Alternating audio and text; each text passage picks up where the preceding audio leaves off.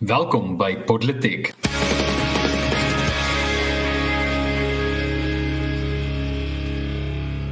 Reg, goeiemôre. My naam is Erns van Sail en saam met my ateljee is Paul Marits en in vandag se episode DA wil Putin arresteer, kan niks nog oorlog in Sudan keer. En ek wil net vinnig voor ons begin met die ontnonsens vir julle sê, daai spelling van Putin is hoe mense in Afrikaans uh, sy van spel. Daar was 'n groot Ek weet toe die Oekraïense oorlog uitgebreek het, toe uh, ek ek weet baie Afrikaanse publikasies, veral Marula Media, het dit gespel P O E T I en maar dit is hoe mens uh, in Afrikaans uh, sy van sou spel en 'n taalkundige sal vir jou 'n bietjie meer kan in in du duidelikheid daar rondom kan gee.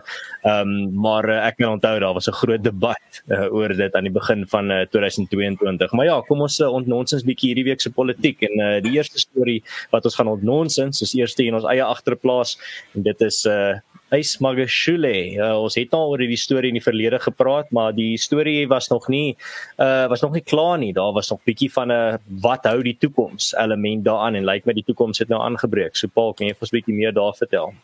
Ja, so vir vir die getroue politiek luisteraar, ehm um, sal die sal hierdie storie 'n klokkie lui. Uh in Mei 2021, dis in ander woorde meer as 2 jaar terug, nê. Nee, toe het Ysmagashule uitgekom met 'n brief en sê hy skors vir Cyril Ramaphosa as lid van die ANC. Ehm um, en natuurlik in sy hoedanigheid as sekretaris-generaal van die ANC. En dit was natuurlik dadelik omgekeer en daar was 'n klomp stories gewees en dit het redelik op Magashule teruggedraai. Ehm um, en daar was klomp ondersoeke gewees. Ons het daai tyd op politiek gesê dat ons dink dit gaan alles maar oor die 2022 einde van die jaar verkiesings. En in daai stadium was die gedagte dat Ramaphosa nie so sterk binne die party is nie en dat Magashule homself sien as 'n moontlike opponent. Nou ek ek dink nog steeds Ramaphosa is nie die sterkste persoon wat die ANC ooit gesien het nie, maar hy het effektief Magashule uit die pad uit gekry. In so 'n uh, in so 'n wyse dat verskeie um nuuswebtuistes rapporteer dat Magashule eintlik so goed soos geskort is uit die ANC. Ek gaan dis 'n bietjie konteks gee. Daar was verlede week 'n uitspraak gewees van die ANC se nasionale dissiplinêre komitee, gelei deur um partyveteraan Ralph Mjim Njima, skus ek ek spreek sy naam moontlik verkeerd uit. En hy het op die 23ste Mei gesê hulle gee vir Magashule 7 dae om te verduidelik waarom hy nie geskort moet word nie. En dit is nou nadat hy skuldig bevind is daaraan dat hy sekere reëls oortree het spesifiek in verband met hierdie skorsing van president Ramaphosa in 2021. En 7 dae het verloop en Magashule het nie daarop geantwoord nie. So, um, ek dink die die kort en die lank is dit kan wees dat Magashule uit die party uitgeskop word. Nou, hier's 'n paar interessante dinge om te bespreek. Ek dink ten eerste waantoe gaan Magashule van hier af? Ek vermoed nie dat Herman Mashaba of die DA met oop arms sal ontvang nie, maar ek wonder of van nie by die EFF dalk van plek is nie. Ehm um, dit kan wees dat Magashule se populariteit in die Vrystaat dalk iets is wat vir die EFF aantreklik is. Daar's ook die opsie dat hy gaan na een van 'n ander party toe en ons ook 'n derde opsie dat hy uit die politiek uit wegbly. Nou eerlik gesê ek weet nie of meneer Magashule soveel kwalifikasies buiten vir politieke vermoëns het nie. So ek ek vermoed hy gaan probeer om binne in partytetiek te bly. Dit kan ook wees dat die EFF en of watter ook al partye dan nou se nader dat hulle dalk voel dat meneer Magashule te veel ambisie het en dat uh, hulle hom nie noodwendig verwelkom nie. En dan mag hy dalk genoop wees om sy eie party te stig. Um ek dink nie sy reputasie is van so 'n aard dat hy vreeslik stemme op hom kan trek nie en daar waar hy hoofsaaklik stemme gaan soek, is sekerlik maar die Vrystaat en Noordwes. Um weer eens ek dink nie daar gaan hy ontsettend skade kan aan ander polities nie. So dit kan wees dat dit die einde van sy politieke loopbaan is, maar as as hy skuwe maak, dink ek dit sal dalk in daai tipe rigting wees. Dit kan wees dat hy by 'n kleiner party aansluit. So dis breedweg my kommentaar op hierdie storie. As ek een ding oor die ANC mag sê ten slotte, dan is dit dat ehm um, ek dink soveel as wat ons hulle van oneffektiwiteit beskuldig om, om die land te regeer en ek dink daar het ons goeie reg om dit te doen. Is dit tog vir my duidelik dat meneer Ramaphosa hieso sy politieke vermoëns reg ingespan het. Hy het 'n vyand op die horison gesien en hy het hom uit die weg uitgeruim. Uh so wat sy eie politieke vermoëns binne die party betref, het hy so bietjie staal gewys en dit mag wees dat dit sy politieke posisie binne die party konsolideer. Erns, dis my menings, wat dink jy daarvan? Hmm. Wel, ek dink die hele gesprek rondom uh die ANC hier op politiek, nie net ons ontnonsens nie, maar die hele gesprek die afgelope paar jaar was maar rondom hierdie faksie bekleierery binne die ANC. Nie dat daar 'n goeie en 'n slegte faksie is nie, soos ons gereeld ons luisteraars her, uh, herinner, maar hierdie is maar net 'n duidelike uh, volgende skaakbeweging binne die magspel binne die ANC. Ehm um, ek dink dit sê vir jou baie van die ANC dat hy weer eens, dis nie 'n kader wat uh, uitgeskop word oor korrup uh, vir sy korrup uh, korrup korrupsie aantuigings teen hom nie, maar eerder omdat hy die leier van die party en sy faksie bedreig. Dis maar die ANC vir jou vandag. Ehm um, jy verloor net jou posisie in die party as jy uh, uh, iemand magtiger as jy se posisie bedreig, nie as jy uh, ernstige korrupsie aantuigings teen jou het nie. Maar uh, asseblief nie net nog nie, nie nog 'n party nie. Dit is vir my yes, ek weet nie waar hierdie idee vandaan kom nie. Ek weet ek yes, iemand wat seker 'n groter kenner op hierdie veld as ek is al vir jou kan sê wat die insentiewe daarvan is. Vir my lyk dit net of jy het klomp geld wat jy net wil verbrand en weggooi of jy het een of ander baie sterk biljoenêr agter jou wat sy geld wil verbrand en weggooi.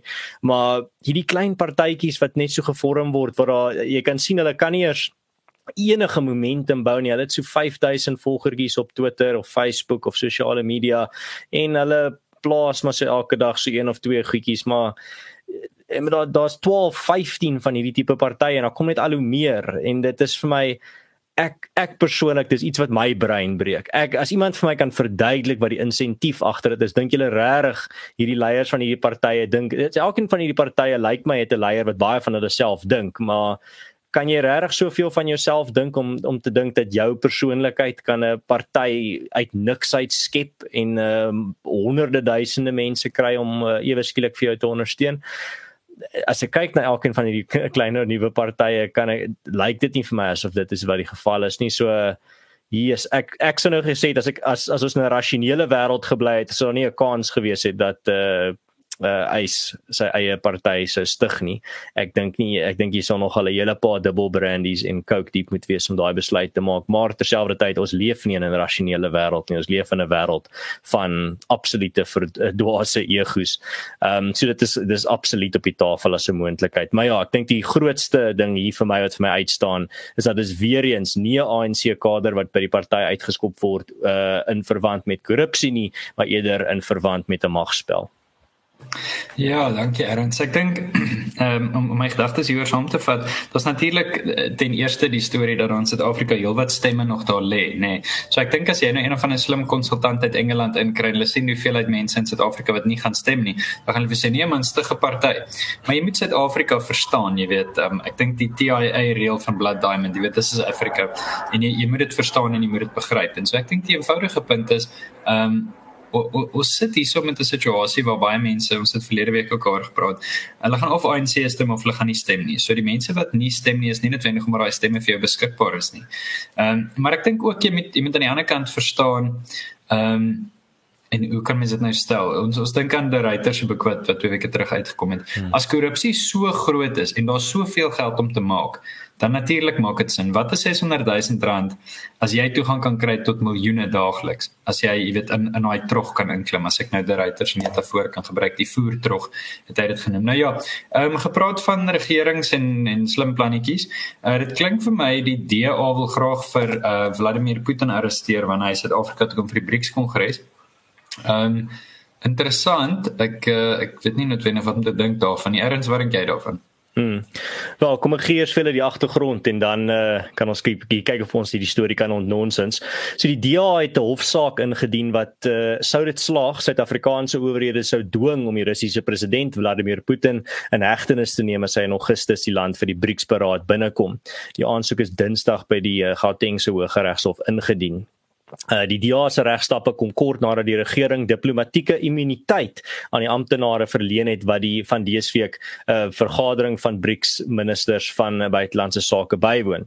Die immuniteit geld ook vir BRICS ministers se staatshoofde wat later die land gaan besoek. Nou baie politieke kenners het gesê dat uh, hierdie immuniteit gaan nie die ANC red van 'n uh, verantwoordelikheid om vir Vladimir Putin te arresteer in Augustus as hy sou uh, uh, aan uh, aan wals uh, afklim nie.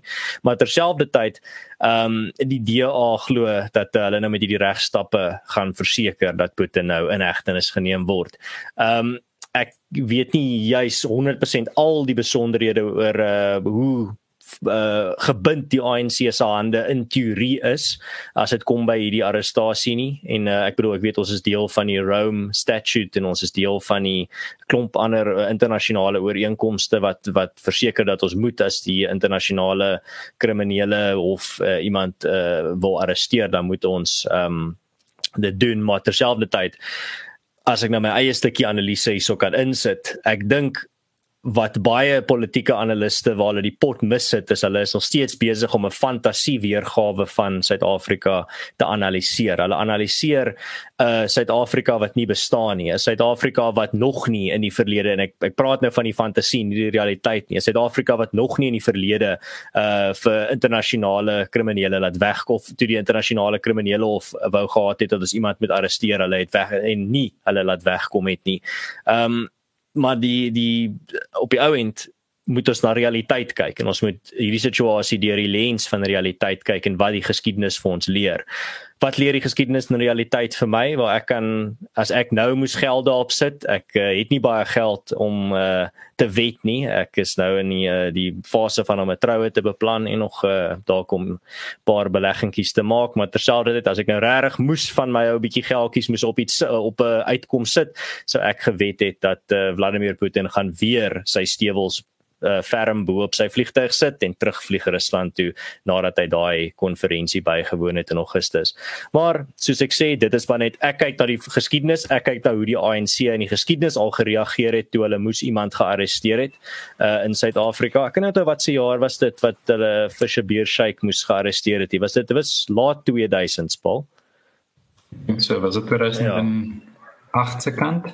Ja, dit was daar rond, maar ek bedoel hierdie so hierdie situasie, ons was al in hierdie situasie en ons het gesien wat die uitkoms was. So ek gebruik daai historiese geskiedenis om vir my uh in te lig oor wat in die toekoms gaan gebeur. Maar soos ek sê, ek kan verkeerd wees, maar ek sal eerder uh my oë en my ore glo as om uh die die land deur 'n lens te sien van hoe ek of iemand anders wens dit uh dit moet wees.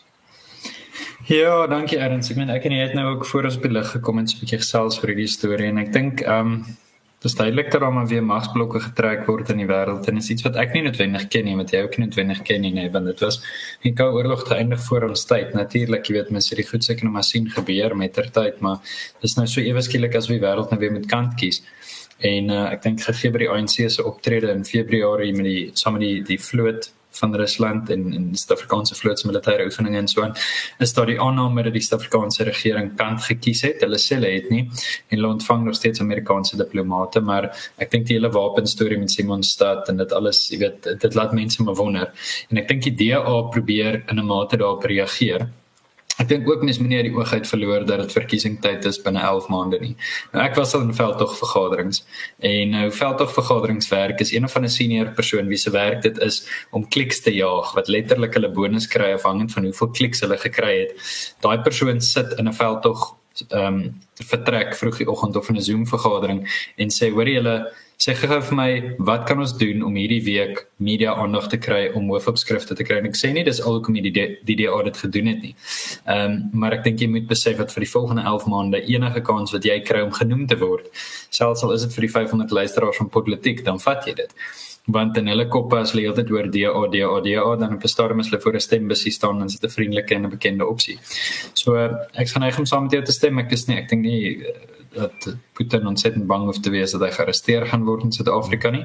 Ehm um, nie te min 'n interessante stukkie oefening mm. en 'n interessante kom, stukkie analise vir die regters. Ek kom miskien net gou daarby sit. Ek het nou onthou dit is nie 'n uh, eh, die uh, persoon wie hulle moes gearresteer het was in 2015 en dit was El Bashir nie 'n uh, uh, Shabir Sheikh nie. So 'n bietjie van 'n 'n geheef later daarso gehad. Uh, selle selle letter snaakse lettergrepe daarso. Maar ja nee dit is uh, so in 2015 ek bedoel dis 8 jaar terug uh nie eens 'n dekade terug nie was ons in presies dieselfde posisie as waar ons vandag waar ons nou in 2023 is en dit is daar word uh van ons verwag om iemand te arresteer deur die internasionale uh, kriminele hof en ehm um, ek dink ek gaan maak ek ek verwag dieselfde uitkoms as wat ons in die verlede gesien het. Maar snaaks genoeg hoekom ek uh, ook dit noem is die feit dat uh Omar al-Bashir was van uh Sudan af En uh nou gaan ons oorskakel na die volgende storie toe wat presies van Sudan afkom en daai storie is dat uh Sudan se weermag staak het nou hierdie week Woensdag of wel nee, dit was gister het hulle uh die wapenstilstand gesprekke en skietstilstand wat daar was, het hulle daai nou gestaak met hulle met die uh die hulle teenstanders, die paramilitêre Rapid Support Forces RSF. So wat ons nou hierso sien is maar net weer 'n uh, 'n uh, voortduring van die burgeroorlog daar in Sudan. En ek dink wat ook nogal snaaks genoeg hierdie storie verbind aan die vorige storie losweg is die feit dat ek dink dadelik as ek kyk na daar's nou twee groot konflikte wat tans besig is om in die oorlog in die wêreld te woed. Die eerste een is in Oekraïne en die tweede een is nou hier in Sudan. Die groot verskil vir my en Paul, jy kan dalk vir my sê hoekom hierdie verskil bestaan is dat in Sudan se geval het uh, die westerse lande baie vinnig ingegryp en probeer om 'n wapenstilstand te, te uh, aan te bring en uh, om die twee kante aan na die um, uh ooreenkomstafel toe te bring.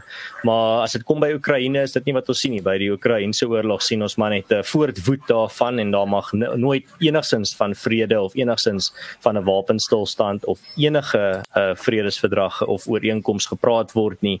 Ehm um, dit is maar waar die die uh retoriek uh tans rondom daardie konflik uh, staan. Nou wat ons hierso by Sudan sien en hoekom ons hieroor praat is uh, soos ons al voorheen ook gesê het, dis ook tog belangrik om aandag te gee aan wat rondom ons aangaan veral op die Afrika kontinent. Ons kan nie uh, onsself van Afrika noem en beïnvloed word deur Afrika soos ons nie ook tog 'n bietjie moeite doen om uh, op hoogte te bly van wat anders in op ons kontinent aangaan. En ek dink hierdie konflik in Sudan het ongelukkig die potensiaal om nog lank te woed en om die hele streek te destabiliseer as daar nie 'n uh, 'n vredesverdrag of 'n 'n 'n vredevolle uitkoms daar is nie. Maar ons sal nou maar sien wat die toekoms hou, maar uh die die status tans van daardie burgeroorlog is dat ehm um, beide kante is nou nie meer by die ooreenkomstafel nie en die die koels vlieg nou weer uh, daar so in Sudan. Ja, ek dink ehm um, so 'n konteks te skep ook uh Hierdie konflik is nou natuurlik al eintlik van April af redelik ewig. Dit is belangrik om om te, om te weet dat hierdie twee generaals eintlik saam met mekaar ehm um, geveg het om in 2019 van al-Bashir ontslae te raak. Ehm um, uh in uh daar was ook natuurlik die militêre poging tot militêre oorname 2021.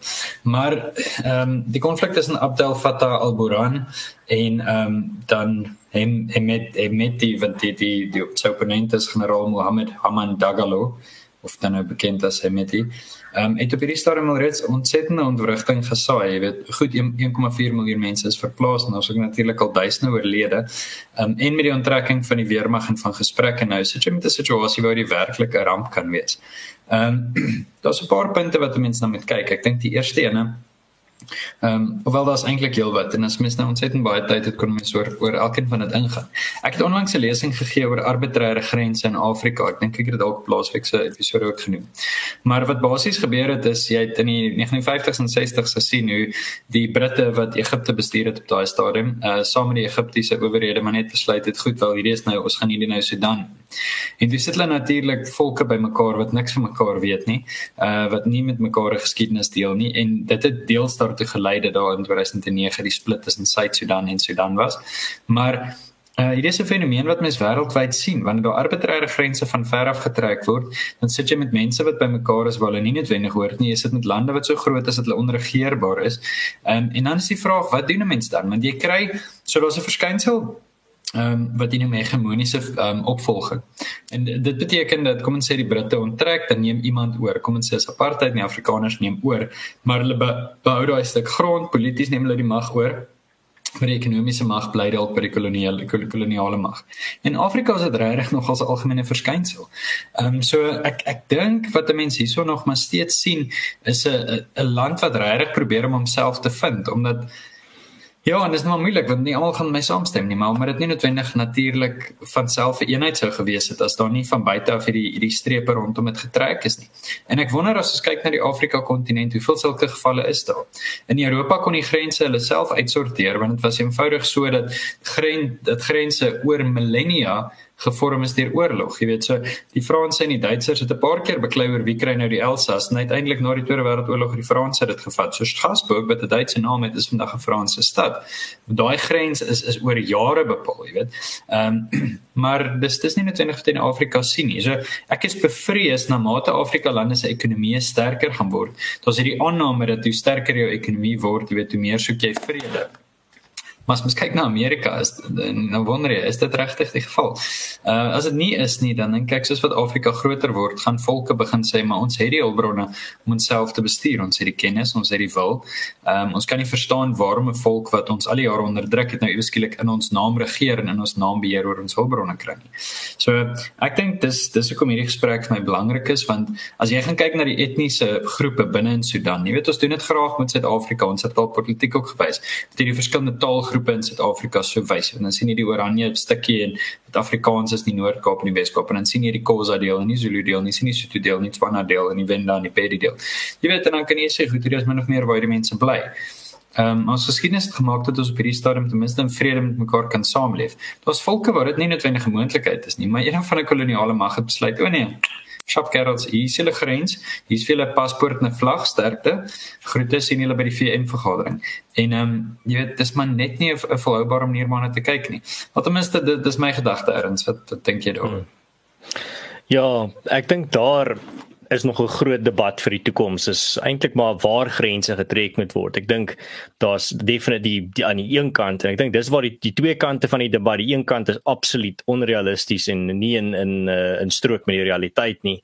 En uh, die ander kant dink ek is 'n moeilike debat, maar ek dink daar's daar is 'n uh, eh, vaste grond om op te staan. So die een kant van die debat is dat oor so die koloniale magte het al hierdie ehm um, kunsmatige grense getrek. So ons moet nou net alle grense uitwis en ons moet een Afrika. Dis die Pan-Afrikanisme optimistiese idee. Die ander kant van die debat, die realistiese kant van die debat is dat ons moet kyk na waar kan grense aangepas word om groepe beter te akkommodeer. Ehm um, waar is daar lande wat nie moes bestaan het nie? Waar is daar lande wie se grense anders getrek moes gewees het? Waar is daar lande wat baie kleiner of baie groter moes gewees het? Nou Dit is op die ou end 'n baie langer en moeiliker en komplekse debat, maar ten minste is daar 'n realistiese uitkoms. Die uitkoms wat die ander kant van die debat probeer bereik, die die fiktiewe die fiksie dat Afrika kan enigsins funksioneer as 'n unitêre staat. Ehm um, ek jammer ouens, maar julle julle wat julle daarso van praat is presies wat Pieter Richards bedoel het toe hy gesê het uh, Ethiopië uh, Ethiopië is aan die ander kant van 'n bloedige oseaan en jy roei daaroor oor daai oseaan, maar jy kom nooit aan die ander kant uit nie. Om vir Afrika een unitêre staat te maak gaan een van die grootste bloedbaddens en gewelddadige uh Eh, konflikte in die geskiedenis van die mensdom wees en ek ek dink nie ons moet sommer net dit ligtelik neem nie. Ek dink dit is 'n 'n gevaarlike fiksie wat net gaan lei tot ongelooflike lyding en 'n uh, um, uh, vernietiging op die ou end. Ehm um, jy kyk na die wêreld rondom ons, dis nie besig om te sentraliseer nie. Die wêreld rondom ons is besig om te desentraliseer. Ehm um, R.W. Johnson het nogal goed daaroor geskryf. Ehm um, oor spesifiek die idee dat die pan-afrikanistiese idee is 'n uh, utopiese uh, fiksie. Dat uh, as jy kyk na die geskiedenis van Afrika, sien jy nie uh lande waar of jy sien nie 'n konsolidasie van lande nie, jy sien 'n opbreek van lande. Jy sien oral grense wat oorgeteken word, maar nie dat lande groter word nie, lande word kleiner, word in twee gedeel, word in drie gedeel. Dit is die traject van Afrika en dis die traject van die res van die wêreld ook tot 'n sekere mate. Ons is nie besig om na 'n meer gesentraliseerde toekoms te beweeg op ons huidige traject nie en ek dink dit is iets wat ons in gedagte moet hou as ons enigsins oor die toekoms wil praat. Ja, dankie Renskies. Ek meet myself baie keer in 'n daai ongemaklike oomblik van stilte. Skus vir die ouens wat politiek gekyk het. Ek het my oë so krap. Dis ehm um, hier's verskriklik goed in die lig. Ek is uh vreeslik uh, geïrriteerd. Nou ja, miskien op daai ek is geïrriteerd beide my oë en dan ook my my uh my opinie oor die uh, oor die manier hoe, hoe dinge baie keer in Suid-Afrika aangaan nê. Nou ja, ehm um, tyd met die episode af te sluit is die Stormers se tyd as uh, kampioene van die VRK. Is hierdie episode ook vir eers verby. As jy wat ons doen, ehm um, kan jy ons gerus ondersteun op enige van die platforms uh, wat ons uh, aanbied op YouTube. Jy kan ons uh, ja by my koffie of Patreon ondersteun. En uh, skakel gerus volgende week in. Dan gaan ons nog so klein bietjie nonsens 'n bietjie praat oor wat alles hier in Suid-Afrika en die wêreld aangaan. Tot volgende keer.